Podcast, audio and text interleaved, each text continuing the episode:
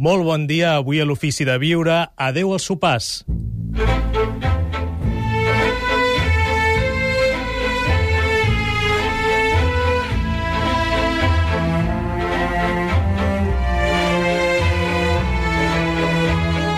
Gaspar Hernández, l'Ofici de Viure.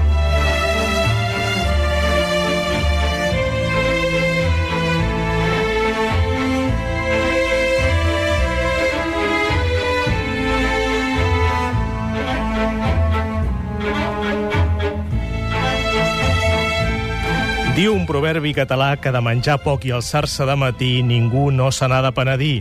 El problema del sopar i de les menjades es desprèn del nostre estil de vida. Sopem massa tard, anem a dormir massa tard i ens llevem tard.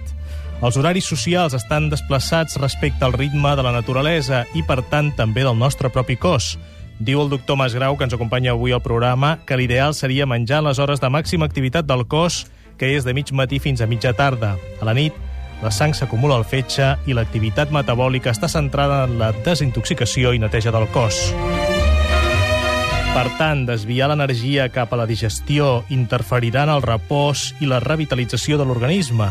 Segons la medicina tradicional xinesa, quan es fa de dia, la major part de l'activitat passa per la melsa i l'estómac, òrgans directament relacionats amb la digestió, mentre que al voltant de la mitjanit l'energia passa pel fetge i s'ha de deixar treballar sense interferències. El son que més s'aprofita és el de la mitjanit, una hora en què moltes persones encara estan despertes i algunes en plena activitat. Diu la doctora Magda Carles, que també ens acompanyarà avui a l'Ofici de Viure, que hauríem de fer un sopar equilibrat i saludable, però sovint a la nit se'ns acumula la gana, hi ha estrès i poca motivació per cuinar, i la suma d'aquests factors fa que els sopars siguin excessius. Segons el doctor Masgrau, el problema del sopar és molt específic. Té a veure sobretot amb l'accés. Mengem massa, molt més del que necessitem, i no deixem reposar el sistema digestiu. No es pot assimilar tot l'aliment que s'acumula en el cos i quan aquesta acumulació té lloc a la nit interfereix en el descans, amb tot el que això comporta. Què és el que convé? Alimentar-se com sempre s'ha fet, a base de fruites, verdures, cereals, llegums, fer exercici i, sobretot, no abusar de res. Avui, a l'Ofici de Viure, que hem titulat de forma exagerada, després ho matisarem, Adeu als sopars. Miquel Masgrau. No cal fer dietes, sinó simplement portar una alimentació adequada a la persona i a les seves circumstàncies. Hola, sóc la Núria Coll, periodista i creadora, juntament amb l'Adam Martín, del web etselquemenges.cat. És la primera revista digital sobre salut i nutrició i que justament vol divulgar i vincular per primera vegada la nutrició al voltant de les patologies que tenim i que podríem prevenir si ens cuidéssim una mica més. La meva recomanació pels sopars, pel que fa als hàbits, demanaria que la gent sopés molt més aviat del que sopem normalment. Les 8, dos quarts de 9. La gent que té família i nanos segur que ho podrà complir amb més facilitat. La resta fem un esforç perquè ens anem a dormir sense pair i a vegades amb un pes que fa que ens trobem malament i tinguem problemes digestius. No mirem la televisió mentre mengem, ens ho han dit tota la vida, però és important. És important estar concentrat en el moment que estàs menjant, en allò que estàs menjant, en aquella activitat i mastegar a poc a poc i adonar-te'n de tot el que estàs ingerint. I allargar el procés com a mínim 20 minuts, que com sabem també és el temps que tarda el nostre cervell a sentir que està saciat. Què podríem sopar? Una sopa o un caldo amb una mica de pasta miso, que és molt sana. I ara l'estiu gazpacho, però perquè encara sigui més digestiu, les eh, verdures que posem dins el gazpacho, coem-les una mica. Això com a, com a recomanació. Verdura cuita també, molt, molt saludable de menjar a la nit, i una mica de proteïna. Peix, proteïna vegetal, per exemple, tofu, tempe, seitan, els llegums, que són molt bons també com a proteïna vegetal, millor que els deixem pel migdia no beure aigua durant l'àpat perquè ens inflarà i perquè també ens comportarà una sensació de pesadesa a l'estómac. I si pot ser, eliminar la fruita del final de l'àpat. Tampoc no ens ajudarà a digerir i a pair bé tot el sopar. Podem acabar l'àpat amb pickles, que és verdura fermentada i que ens donarà un punt fresc per tirar avall, i amb tot, com que ho haurem fet bé, regalar-nos de tant en tant una copa de vi negre, si pot ser vi bo i si pot ser ecològic.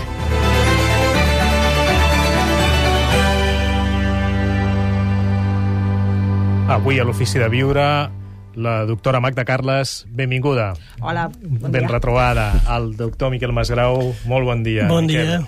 Àngels Campà. Hola, Àngels. Hola, bon Àngels dia. Campà, de l'associació Amics de l'Ofici de Viure, que no, no ens ve a parlar dels sopars, eh? No, no, no. Però després, si no, de les seves activitats, les activitats d'aquesta associació sense afany de lucre, que trobareu també al, al Facebook, Amics de l'Ofici de Viure. Moltes gràcies per ser a totes les oients i tots els oients que ens han escrit les seves aportacions aquesta setmana al Facebook sobre els seus sopars.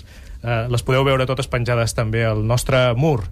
Bé, em- dèiem que hem titulat aquest programa de forma exagerada. D'aquí uns instants arribarà el mon nostre monjo budista Enric Rullant, que ell no ho troba gens exagerat perquè ell no sopa des de fa molts anys. La primera pregunta és, ens cal el sopar? El nostre cos, dormint 6, 7, 8 hores, necessita eh, l'aliment del sopar? Necessitar, necessitar, no. En general, vaja, anem, sobrealimentats, el qual no vol dir que, que no sigui una cosa bona sopar, eh? però eh, el que necessita el nostre cos fonamentalment és moderació. Moderació a l'hora de sopar, però també a l'hora de dinar i a l'hora d'esmorzar. Moderació en el menjar, moderació en tot, vaja. Bueno, jo penso que, com diu ell, eh, imprescindible no hi ha res. Un pot estar perfectament sense sopar, però també estarà en funció, jo penso, de moltes coses. És difícil dir des d'aquí una norma per a tothom, perquè dependrà del teu ritme de menjar, de, de la resta del dia, del teu ritme de feina, de les hores que puguis dormir, de la teva edat, etc etc etc. Jo penso que és perillosíssim dir això de ningú té que sopar, tothom té que sopar així, cada persona necessita unes coses. Però, com a cosa general, podem dir que imprescindible no hi ha res, eh? Imprescindible no hi ha No hi ha res. res amb el món del menjar, en sèrio. Doncs més, ja, amb el sopar, precisament, és un moment, degut al nostre estil de vida, és un moment de pau. És al migdia el menjar es fa correcuites, no diguem l'esmorzar, i a més a fora de casa normalment al migdia. I llavors el sopar és el moment precisament l'únic moment que pots estar amb la família amb els amics, no? és un moment de tranquil·litat el moment que pots cuinar el que tens una mica de tranquil·litat, per tant això fa que el sopar sigui, potser per això en aquestes circumstàncies l'element més important. Sí, però un oient ens escriu al, al mur del Facebook que eh, amb el seu home no tenen, estan tan cansats que no volen cuinar i que opten pel pa amb tomàquet i els embotits i el això, és, formatge. això és terrible això és, això és no, el, perquè li, pobre, pobre oient. No, no, no, és l'estil de vida que s'està imposant, que ens ve de, de les Amèriques. A les Amèriques els, els, ja no es cuina. Ja els compres del precuinat i, de fet, cuinats que gairebé és una excentricitat. Hi ha restaurants que vas allà, ho agafes tot i t'ho portes cap a casa, vull fet, no? I anem cap aquí, llavors això realment és una llàstima perquè el cuinar els, els menjars a casa això és el que alimenta de debò no, no només alimenta el cos sinó que alimenta la vida social alimenta la, tot, vaja Bueno, jo penso que això de que l'hora de sopar és una hora tranquil·la, que tots volem sopar, és una visió molt idíl·lica del tema, però també si, anem a, si, anem, si som realistes segons quins tipus de famílies i quins hàbits i quines edats, doncs la gent ve molt tard, la gent ve molt cansada, ha passat pel gimnàs per no sé què, té que posar els nens a dormir, vull dir, que no és tan relax, ai que bé, sinó que hi ha gent que l'únic que està esperant realment és posar-se davant del sofà, siguent realistes una mica, i que no l'empipi ningú més. Clar, hi ha gent que sí que li agrada cuinar, i és un plaer, però per molta gent passar rato a la cuina és un rotllo. És que jo penso que s'ha de ser realista amb això. Per tant, el fet que trobin coses ràpides i saludables no, tampoc ho trobo tan mala idea mentre el que mengin no estigui malament. I per l'altre costat, tots hem vist també aquestes pel·lícules anglosaxones en què hi ha aquella cosa tan idíl·lica, que hi ha la senyora estupenda que està fent el sopar amb la copa de vi i està tallant les verduretes en aquelles grans cuines, això ho hem vist tots, no?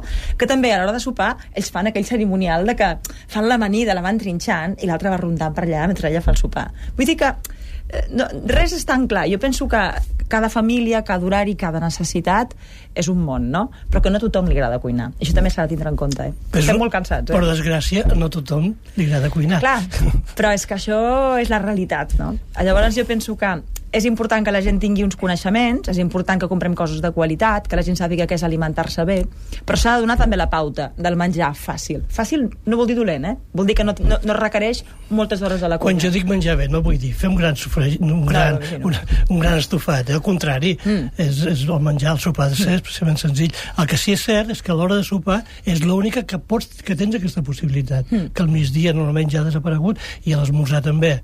Llavors, I- ja sí. que hi ha aquest, hi ha aquest temps, Sí, sí, val la pena això és l'ideal. Jo he començat dient que era, era lo superideal, és que al sopar tu puguis triar els teus propis aliments, mengis bé, tinguis un rebost farcit amb el que passa. També passa que no tens el que has de tenir a la, a la cuina, ja començant per aquí. Jo no diria que és lo idíl·lic, sinó que és lo sa. Sí, sí, també, també, també. També l'idíl·lic i l'usar, sí, sí. Avui a l'Ofici de Viure de Catalunya Ràdio estem parlant del sopar, de la importància del sopar o de la importància de no sopar, perquè hi ha moltes persones que no sopen gens per aprimar-se, bé, perdre pes eh, mm. és una bona estratègia, no, aquesta, per perdre pes, doctora Carles? Sí, més que res, que és que molta gent té sobrepès justament perquè els sopars són molt excessius. I com Sí. que després ens anem a dormir, és l'hora del dia doncs, en què, lògicament, No és sentit comú, ho cremem menys. Sí que és veritat que per dormir necessitem una energia, però molta menys de la que la gent es, es, es pren per sopar, no? Nosaltres, a l'hora de titular el programa Adeu als sopars, ens hem basat en això que, que Magda Carles diu que és una mica idíl·lic, però aquest programa sàpiga que ja ho és una mica d'idíl·lic, Sí, això, sí. en aquest sentit. però No, ho intenta, ho intenta. Sí. I ens hem basat en, en el nostre monjo, en Ricard Rotllant. Què tal? Benvingut, Ricard. Hola, molt bon dia. Que, que vostè fa anys que no sopa, eh? Sí, des de que tinc els preceptes de novici, que fa això ja bastants anys. Més o menys, quan, més o menys, uh... dir que no fa dos anys. Ah, No, no, no fa dos anys, a veure. Més o menys, més o menys. 2000, el 2000, sí. Sí, 11 anys. 11 anys. 11 anys que no sopa. sí, bueno, tret d'algunes vegades que alguna persona et convida i no pots negar-te a sopar, evidentment. Però sempre hi ha recursos, perquè ja es pot fer el Bamanadauti, que és beure aigua salada, ficar-te els dits a, a dintre i vomitar-ho. No, Ricard, Ricard, però què diu ara? Quines coses, Escolti, quines fem un programa per tots els públics. Ja, ja ho sé, ja ho sé, deixa-ho, deixa-ho. Ho retira. Di- diguem-ne que ho- que ho- però que ho és una retirem. tècnica, és una tècnica ioga que, que es diu Bamanadauti. Això és una tècnica... Del ioga, sí. Hi ha Quan tècniques, tens- doncs, hi ha tècniques una mica salvatges, no? No, no és per netejar l'estómac. És beure aigua salada, Val, no, ja tèbia, estic d'acord. fas uns moviments i després fica els dits i treu l'aigua salada. Fantàstic. I surt bruta, eh? Surt groga, eh? Bé, hi estem en contra. Hi estem en contra, no? Hi ha unanimitat. Sí? Sí, clar. Els nostres metges. sí. Va. sí, més que res, perquè el vòmit per l'esòfag no és cap meravella. No, ja no, començant ni- per aquí. ni per la gola. Ni per les dents. Bé, d'acord, fet aquest parèntesi, que Sí. no era la nostra intenció tractar-ho, però, i a més aquí, quan molta gent està fent el dinar, el Ricard, vostè, el, per què no sopa? Bé, uh, és, mm, a part que és un precepte, uh, realment... És un dot- precepte, què vol dir? Un precepte de, que tenim els monjos. Un precepte que el Buda va dissenyar en la seva època per veure realment que hi havia un inconvenient eh, de, de tipar-se molt per la nit, sobretot pels monjos, que es volen dedicar plenament a la meditació i a l'estudi, i evidentment, doncs... La Clar, ment- si volen vostès tenir la ment clara a primera hora del matí, si, tens, no, si has sopat molt és impossible tenir la ment clara. Absolutament impossible, i a part dormir plàcidament en profunditat, amb un somni profund, perquè et somies molt, quan sopes molt tens somnis molt viscuts i, i estàs molt en el somni i a vegades són somnis que inclús poden pertorbar-te. Llavors és molt difícil aixecar-te d'hora, posar-te a meditar i estàs tot el, tu continues pensant en el que havia somiat tota la nit, no? és a dir, tens una continuïtat de la ment absolutament distreta i pertorbada, no? i divagant amb això. Llavors, si no sopes, doncs evites aquest somni tan profund, doncs eh, eh, profund, amb aquest somni amb somnis eh, clars, llavors entres en un somni més profund, descanses molt, relativament estàs relaxada, et lleves de bona hora i medites molt profundament. I aquesta és la idea. A part també hi ha eh, certes explicacions, però això ja és un terme una mica difícil, que el Buda, eh, Buda parla molt de les cèl·lules, de totes les cèl·lules que tenim trilions de cèl·lules en el nostre cos. Llavors el Buda considera que cada cadascuna d'aquestes cèl·lules que nosaltres tenim ara en el cos, tard o d'hora seran éssers en el futur. I llavors, si els carreguem excessivament i els, no els cuidem, no tenim cura d'aquests éssers, d'aquestes trilions de cèl·lules, en el futur tindrem problemes perquè no tindrem una bona relació amb ells. Llavors, eh, també, però és una cosa una miqueta Sí, potser a més, més difícil. tots els éssers, com si diguéssim, Sí, no, no vostè, podem està bé, banda. vostè està bé de salut, no? Està perfecte. Sí, cap problema. Mm, a veure, No sopa i està bé. no, no, no, no, no. molt bé, molt bé, molt bé. bé. I sense cap gana, eh? Allò de que dius, t'aixecaries a, a, A la nevera a veure a què hi ha. mitjanit, a saltar No. la nevera. No. Clar, el que passa és que jo penso que ell té un ritme de vida, a part de que no sopa, molt diferent al nostre. Em dóna la impressió de que, que clar, que, que ell està estupendo segur, però a part de perquè no sopa, per mil coses més que fa durant el dia i un ritme de vida que porta molt diferent al nostre, que ojalà si s'ho pogués semblar una mica al nostre, però em dóna la impressió que som universos una mica, una mica diferents. També s'ha de dir que estic completament d'acord que sopant molt et trobes malament, dors pitjor, però si tens gana, tampoc dors bé. I aquesta és la pura veritat. O sigui, una sensació de gana també fa insomni. Per tant, jo penso que s'ha d'arribar a aquest nirvana, que estigui sense gana no, i sense una gana. En aquí, en aquí i... tenim, tenim precisament que és un precepte d'aquests que són, diguem-ne, elàstics. Elàstics en el sentit, per Mhm. exemple, aconsellen que si fas durant el dia molt esforç físic, evidentment al vespre has de menjar alguna Ah, això cosa. em sembla perfecte. Llavors és una mica elàstic, però no sobrecarregar-te. Ah, vale. És allò que Això dius, sembla tens una gana, bé. diguem omples una miqueta l'estómac, ja està. allò, sensació de, de satisfacció, I ja perquè està. com no sopes mai al moment que sopes una mica et trobes plenament satisfet, ja estàs bé, compleixes amb aquell esforç extra que has fet físic durant el dia, i llavors et quedes molt plàcid. Però això és una miqueta, diguem-ne, aquesta elasticitat en el precepte. Mac de Carles. Fer un sopar més lleuger del que és habitual pot ser una de les claus per aprimar-se. Fly me to the moon and let me play among the stars. Let me see what spring is like on Jupiter and Mars. In other words, hold my hand. In other words. Avui a l'Ofici de Viure amb la doctora Magda Carles, amb el doctor Miquel Masgrau, amb el doctor Ricard Rullant. Oh, no. Encara no. amb el monjo budista Ricard Rullant, amb Àngels Campà. Adéu als sopars. Bé, vostè ha anat eh, a la Índia més d'una vegada, doctor Masgrau, Sí. i ha vist quins horaris de, de menjades hi ha allà. En Què n'ha après? En els monestirs, per exemple, es, es menja tres vegades al dia, em sembla, al matí, a migdia, al matí vull dir als 5, als, als 5 del matí, als 6, al migdia cap a les 10, les 11, i després a mitja tarda, diguem. Tres, tres menjades. És curiós veure en diferents cultures com s'han organitzat això dels menjars els, els, l'home primitiu, per exemple, que al fi i al cap nosaltres som l'home primitiu, així és l'última fase de l'home primitiu, però el nostre cos està dissenyat segons necessitats de l'home primitiu.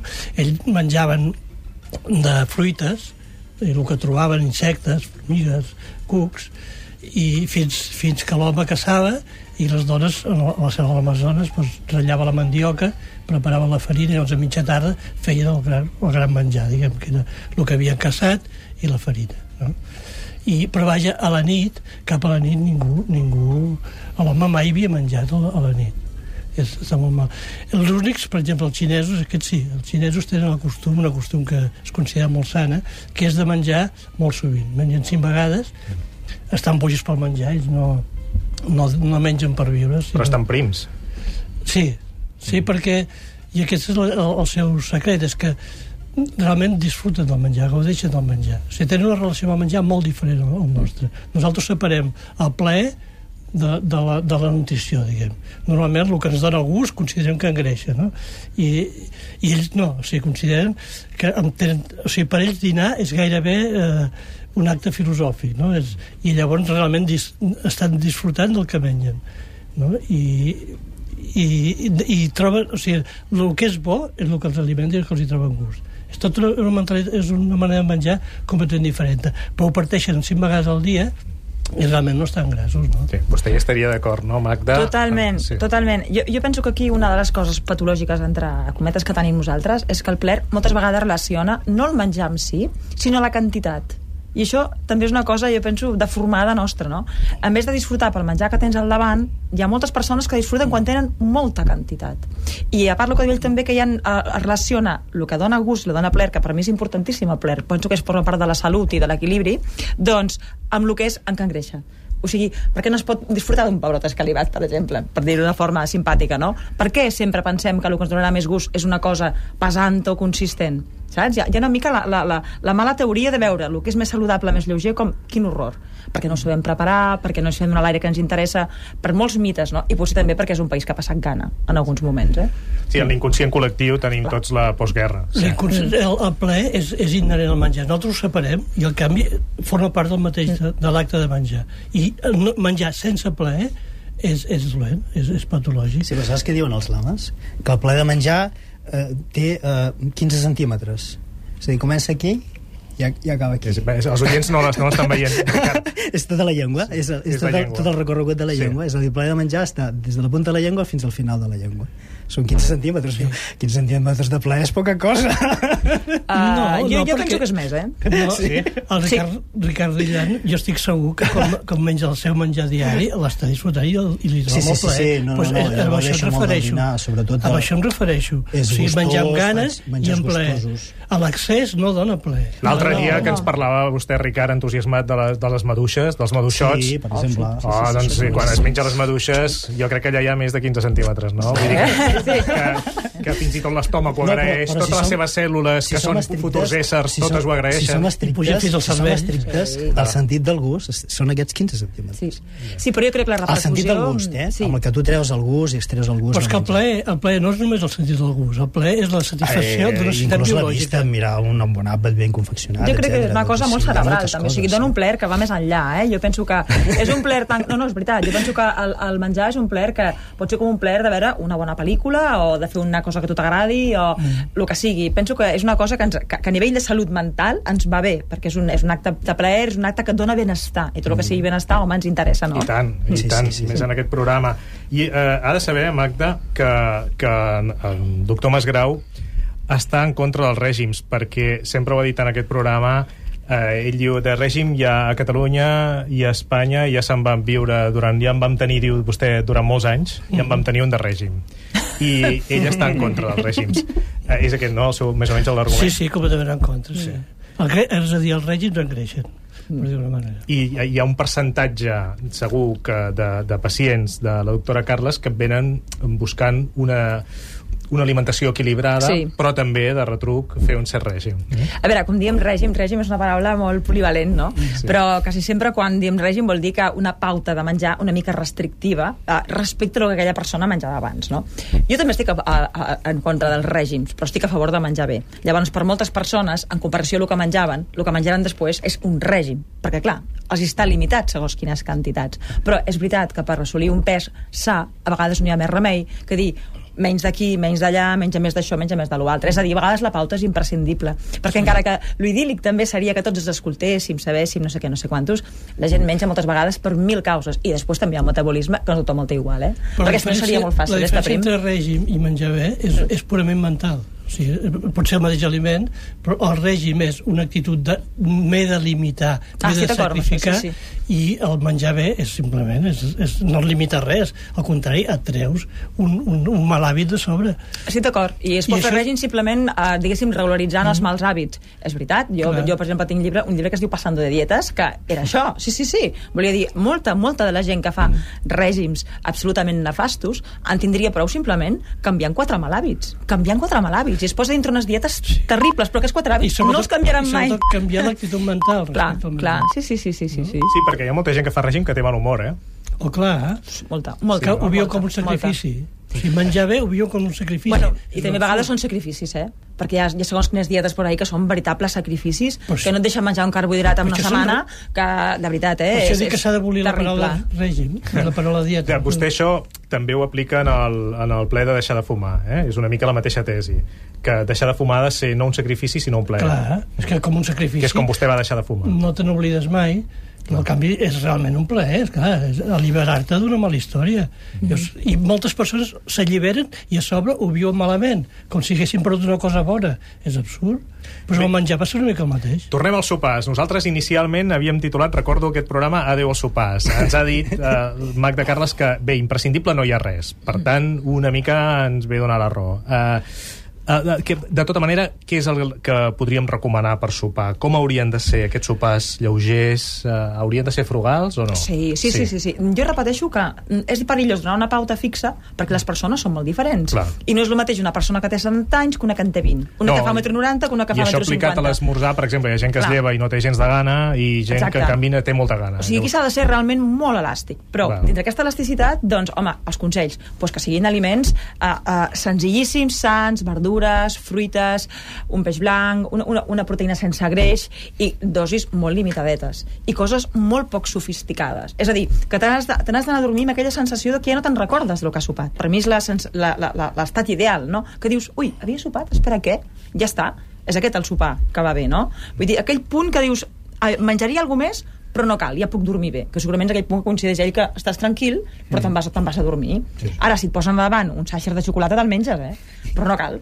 No cal. És aquesta la, la qüestió. I Què, què són les proteïnes sense greix? Bé, doncs passarien tot, tots els aliments que tenen proteïnes d'alta qualitat, però que no tenen greix. És a dir, seria un peix blanc, per exemple, seria, per què no, també petites dosis de, de, de peix blau, tot i que és greixós, però en aquest cas eh, podri, en prendríem menys dosi, seria una carn blanca, serien uns llegums fets puré perquè fossin més digestius en petita quantitat tot això podria ser tranquil·lament una proteïna, diguéssim, sense greix. I eh? quan, quan n'hauríem de prendre de proteïnes d'aquestes d'alta qualitat? Home, dir... jo sempre dic que les persones que aquí que som, tenim molt mitificada la carn i aquestes coses i que mengem normalment massa, jo sempre dic que per una persona adulta eh, que té una vida més o menys sedentària i que, i que, no, i que no és un atleta olímpic, doncs, a veure, un bistec de 120 graus, ai, grams, en té més que suficient. Saps què? Vull dir, tenim una mica tergiversada les quantitats amb el tema proteic. Encara hi ha ara mares que diuen, no, un bon bistec pel meu fill, i compren una sola sabata 4, 250 grams. No, no, no, molt menys, molt menys, molt menys, de veritat.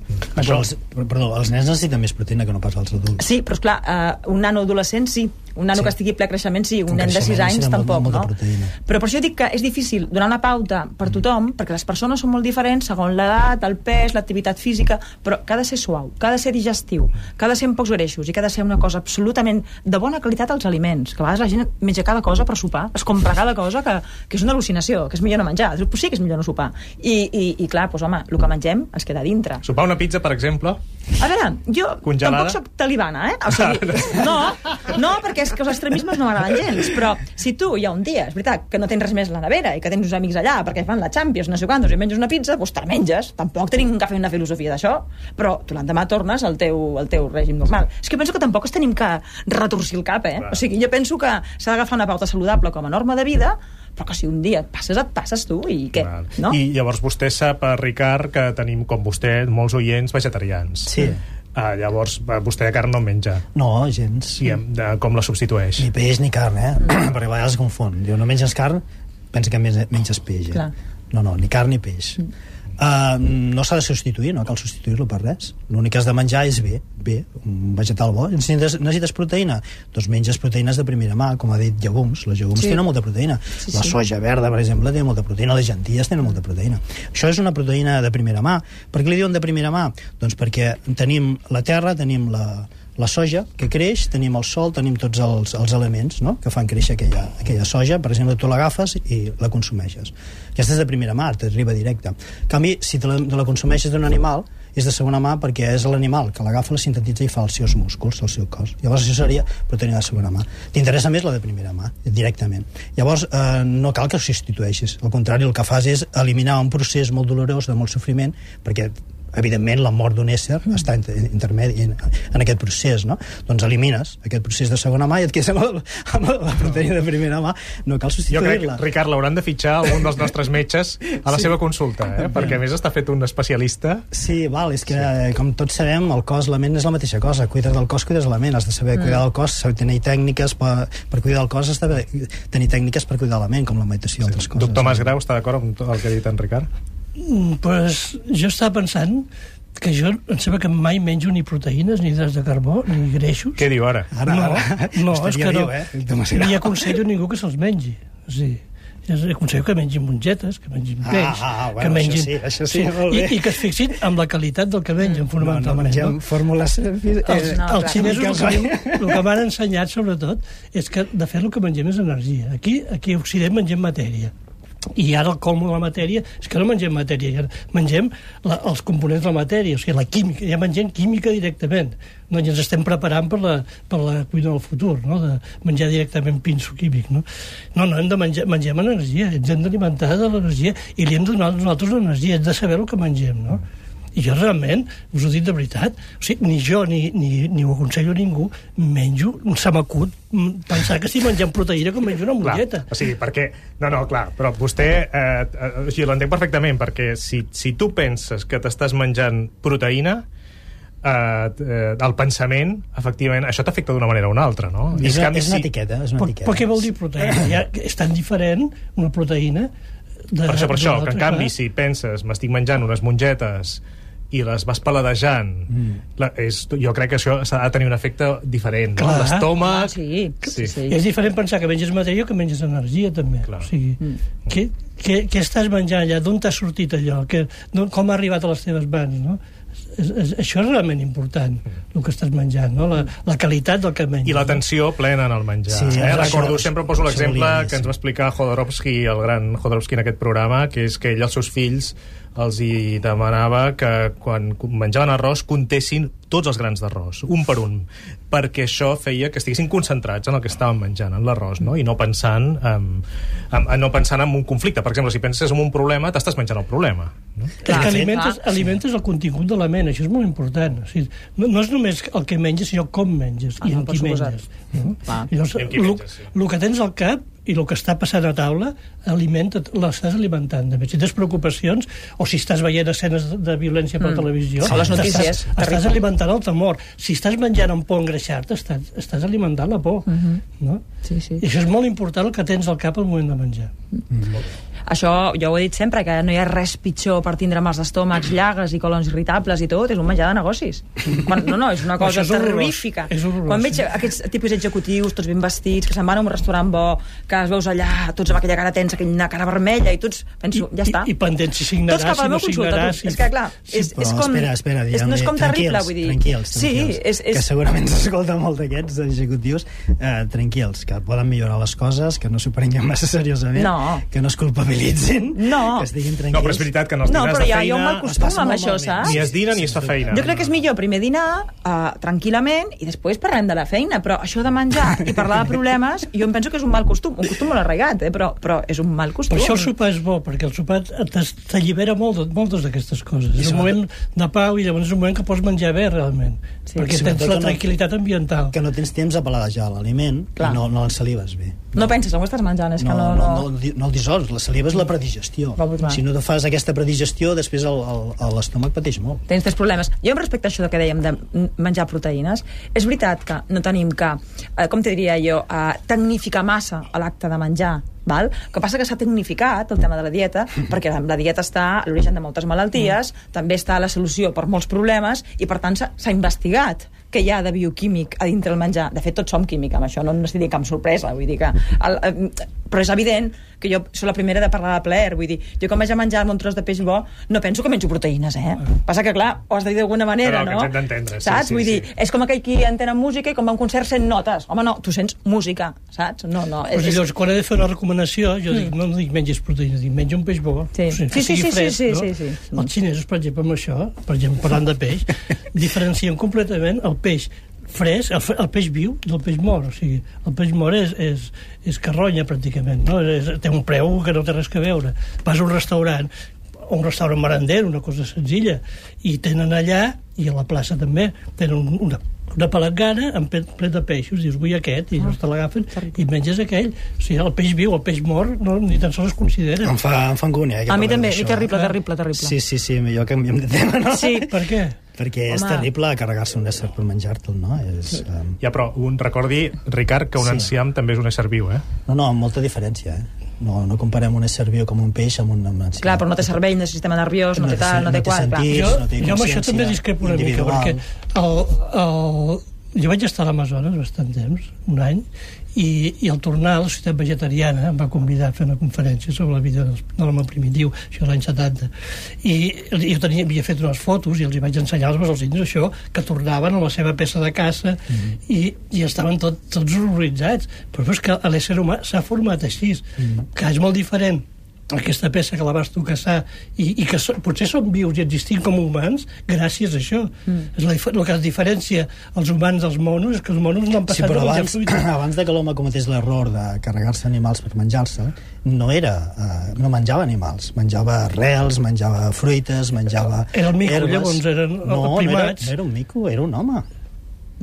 Abans de que Bé. caçés, abans de que, de, de, de, que, de que es carregués animals per menjar-se, no menjava Eh, animals. estem no menjava. escoltant, tampoc cal que ens posem d'acord, eh? Vull dir que estem escoltant les clar, diferents opinions Sí, sí, sí. i, no, i ens quedem en amb cada definitiva, una en d'elles. definitiva, pensem que, mm, igual que s'ha comès un error i s'ha seguit aquest error, no tothom ha seguit aquest error. És a dir, que també hi ha gent que ha anat i ha tendit pel vegetal. Jo vull dir que jo no uns menjo- que ha tendit jo no menjo carn, eh, vull Però eh, podem, eh, podem solucionar aquest error. És a dir, no tenim per què seguir obligatòriament cometent l'error que han- han fet des dels homes primitius des d'abans. Bé, en tot cas, és l'opinió d'en Ricard Rullan. En aquest programa ens hem posicionat en contra de matar animals per plaer. Eh, ho vam fer fa un mes Perfecte. en el programa que vam dedicar en contra de la caça i d'una cosa molt inquietant que es diu caça esportiva, que a més a més hi ha federacions a Espanya eh, i, i és matar animals per plaer, no? En I, aquest I les sentit. granges, què? Que el mal, la mala vida que els hi dones. Però almenys és, almenys és per una necessitat vital, posem-ho així entre requadres. Jo, jo, tinc- jo tinc una postura una, una, una mica intermitja entre els dos.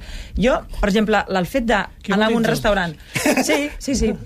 El fet d'anar a un restaurant i veure un animal viu allà, que per tu dius aquest, i el caps de sentencia, a mi ja se m'indigesta el, el menjar, això és veritat. I sempre vull trossos de carn o trossos de peix que no hi hagi ni cap... Ni, o sigui, que no es vegi que és un, un tros que podria ser un tros de suro, saps què vull dir? No m'agrada veure un peix amb el cap o veure... No, perquè és terrible. Però no, te- no o- t'enganyes una mica amb això? Segurament. O, o, o, o, o, la gent, o la gent que posa una llagosta dintre l'aigua bullint i la llagosta comença...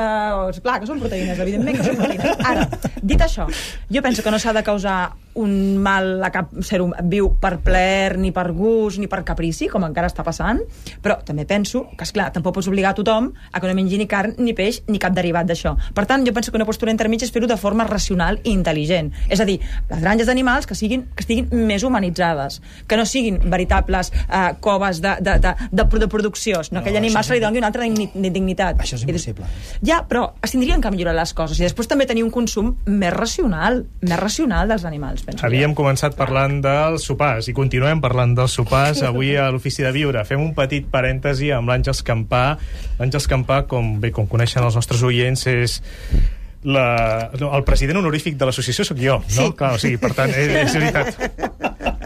I vostè exactament és la presidenta. La presidenta, D'acord. sí. Sí, sí, ara me n'he recordat. Però jo, en canvi, no sé les activitats que fan vostès perquè no tenen, mm, diguem no hi ha un lligam directe amb el programa, sinó que, com sempre expliquem, és una associació sense afany de lucre que va néixer arrel del programa, però no creada des del mateix programa. Eh? Exacte.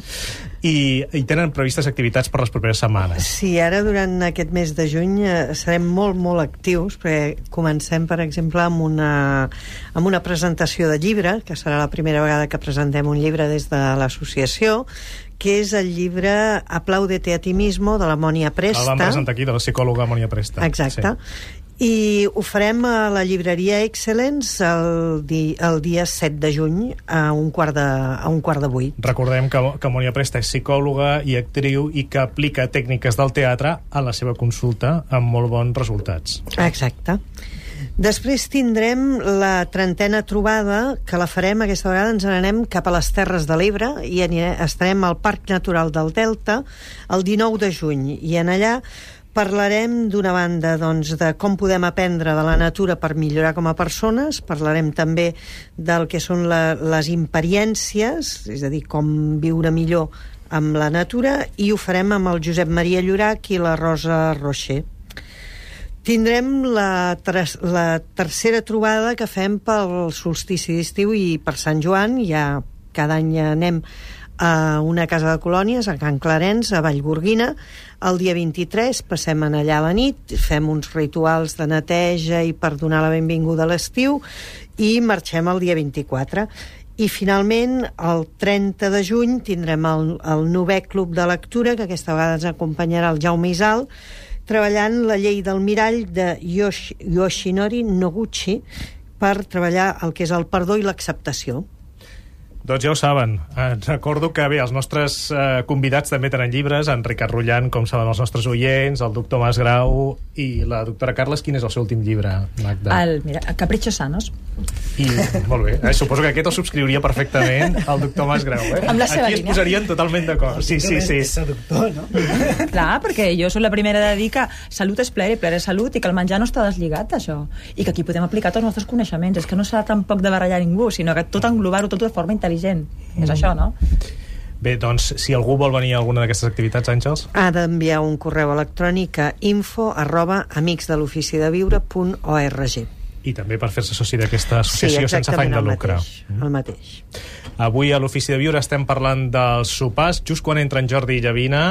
En Jordi Llavina és un home que sopa i bé, eh? Ah, pensava que anaves a dir que sóc un capricho sano. Escolta, doncs su suposo que la teva dona dirà que sí, no? Em sembla que aquestes O dirà que és un caprici ja, de la insà. relació ja diria que ni caprici ni sa. Insà més aviat, no? Sí, no, sopar. ja no tenim... Bé, ja no doncs, tenim 20 anys. Jordi, per si no sabies, el programa d'avui es diu Adeu als sopars. Mhm. I, I que per tu seria un tràngol, això, eh? perquè tu sopes, ets de vida.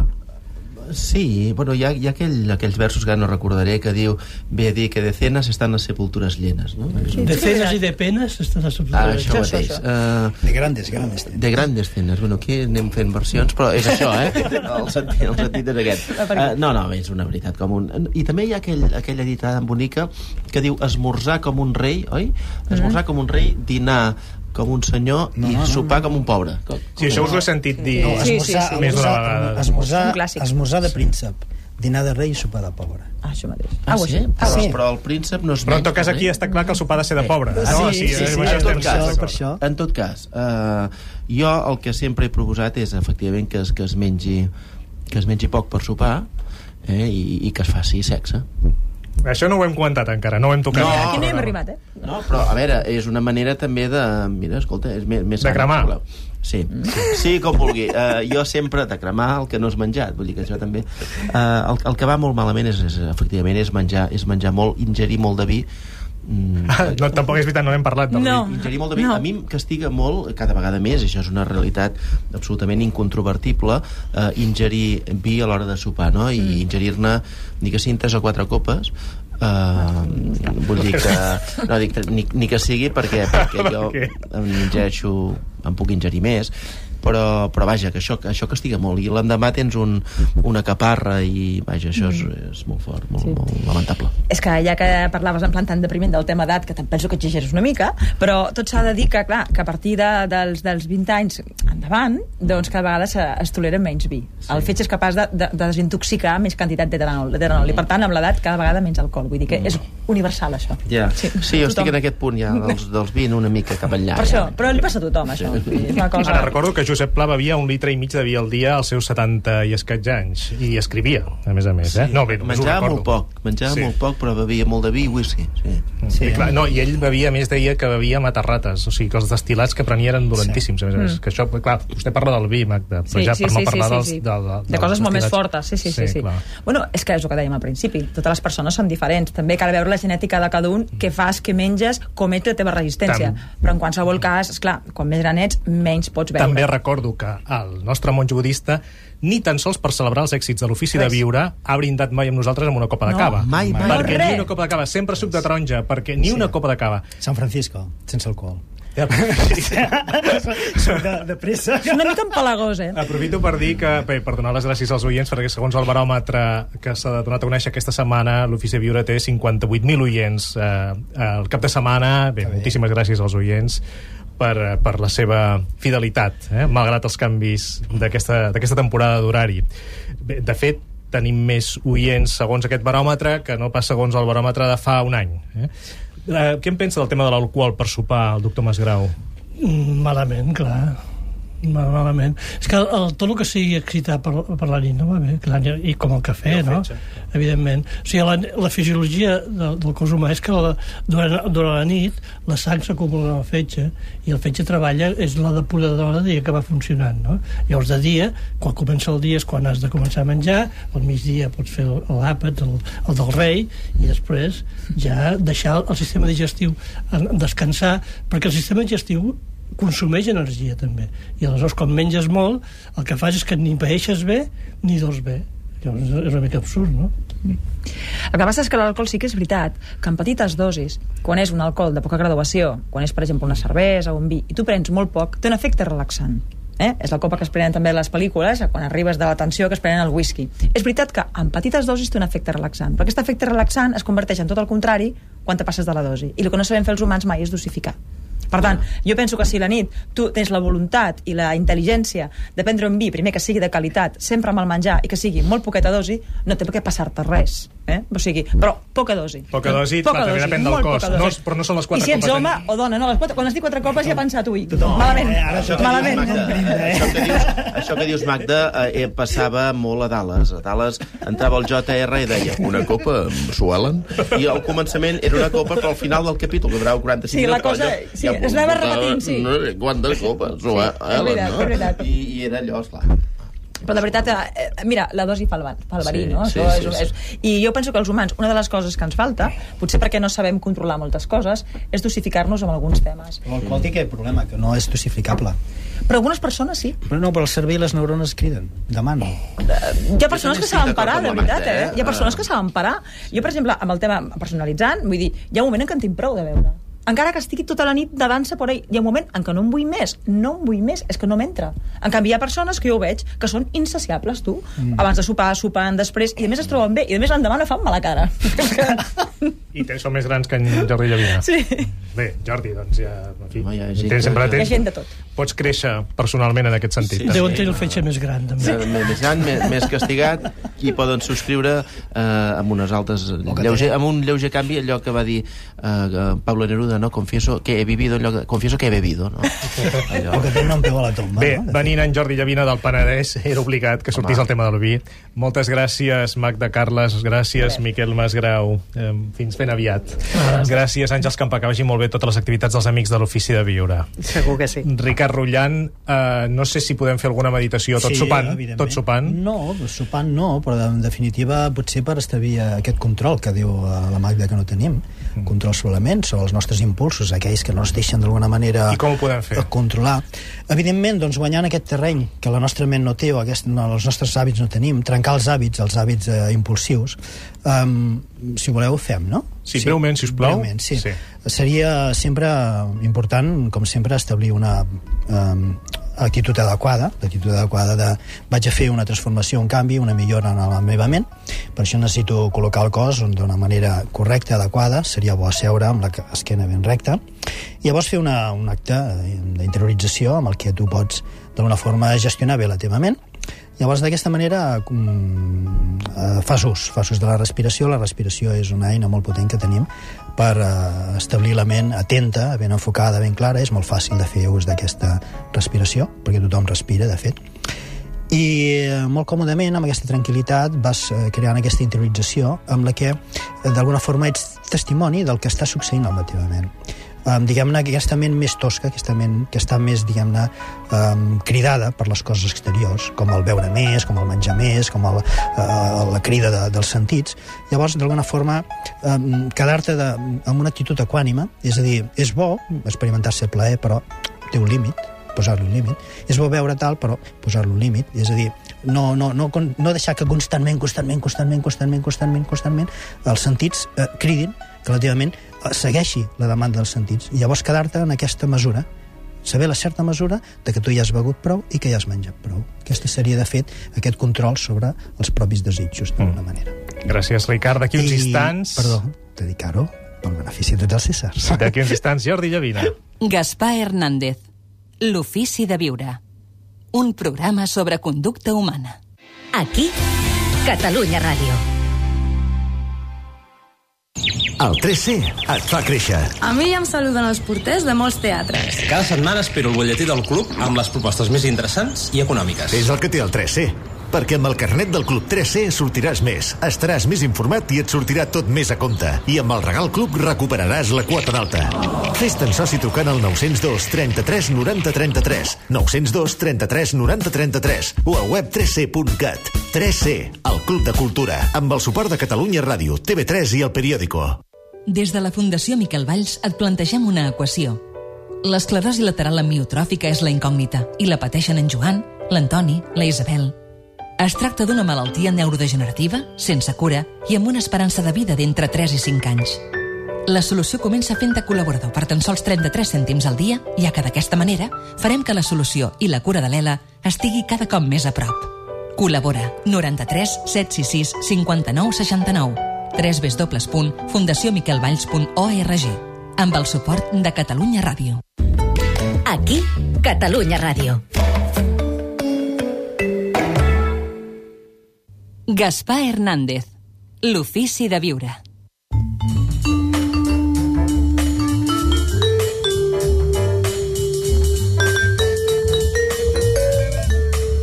Viure arroba catradio.cat, e-mails d'amor, Jordi Llavina. Som-hi, doncs. Hola, no puc dir el meu nom perquè si se n'assabenta el meu marit estic perduda.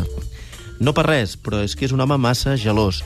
Fa 23 anys que estem casats, des dels 22, imagineu-vos, i en la nostra relació, com és lògic en tant temps, ha passat una mica de tot. Des de fa més de 5 anys és com si no passés res de res i per això estic més enfonsada que mai. El meu marit me la va estar fotent amb la, meva, amb la seva amiga de sempre i ho vam reorientar. Han passat altres coses i algunes de la meva banda, però és aquest no passar res, qui dia passa any empeny, que no el puc sofrir. Ell diu molt sovint que m'estima i no dubto que és així, però jo estic profundament avorrida. El nostre fill ja ha fet els 18 i va una mica pel seu compte. Em plantejo anar fent. No sóc prou valenta per separar-me, tot i que ja ho hauria d'haver fet fa molt temps. Em temo que la paraula que em defineix en aquests moments de la meva vida, sense gust ni ganes de fer res, és resignació. Sí, la paraula és aquesta resignació. Voldria saber què en pensen la Yolanda Susín i el Jordi Doncs Llavina. endavant, D'entrada, detesto la paraula resignació. A mi, per mi és sinònim de- d'acceptació, de, de renúncia, de claudicació, d'amagar el cap sota l'ala o, o de jupir el cap, de no afrontar la veritat. I jo crec que tu el que has de fer justament en aquest moment de la teva vida és afrontar aquesta realitat, aquesta veritat, eh, per, per, per ser més feliç i per ajudar de retop a fer més feliços les persones, o més felices les persones que t'envolten. Pinder va dir, jo hi estic d'acord, que la resignació és un suïcidi diari. I la Mercè Conangle i en Jaume Soler asseguren que cal diferenciar la resignació com a estratègia passiva de fugida o manca de rebel·lia davant d'alguna cosa injusta. A mi això em sona a fugida endavant, a no voler analitzar I, tant, aquest cas.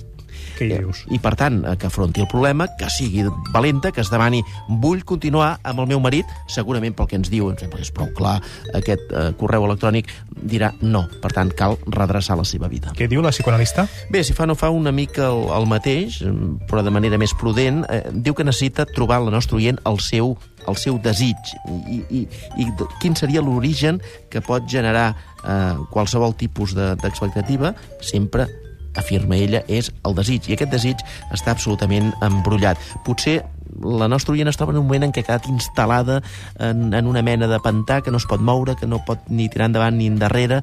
Eh, és insatisfeta. Eh, passivament eh, se sent molt insatisfeta. Per tant, què li recomanaria? Ella recomana, es compra cap a casa, com és natural, recomana que s'atreveixi a, a preguntar-se coses i a respondre-se-les i que acabi trucant a la porta d'un psicoanalista que l'ajudarà i molt a desembrollar tota aquesta situació enquistada. Gràcies, Jordi Llavina. Gràcies, Ricard Rullant. Gràcies als oients. Fins demà.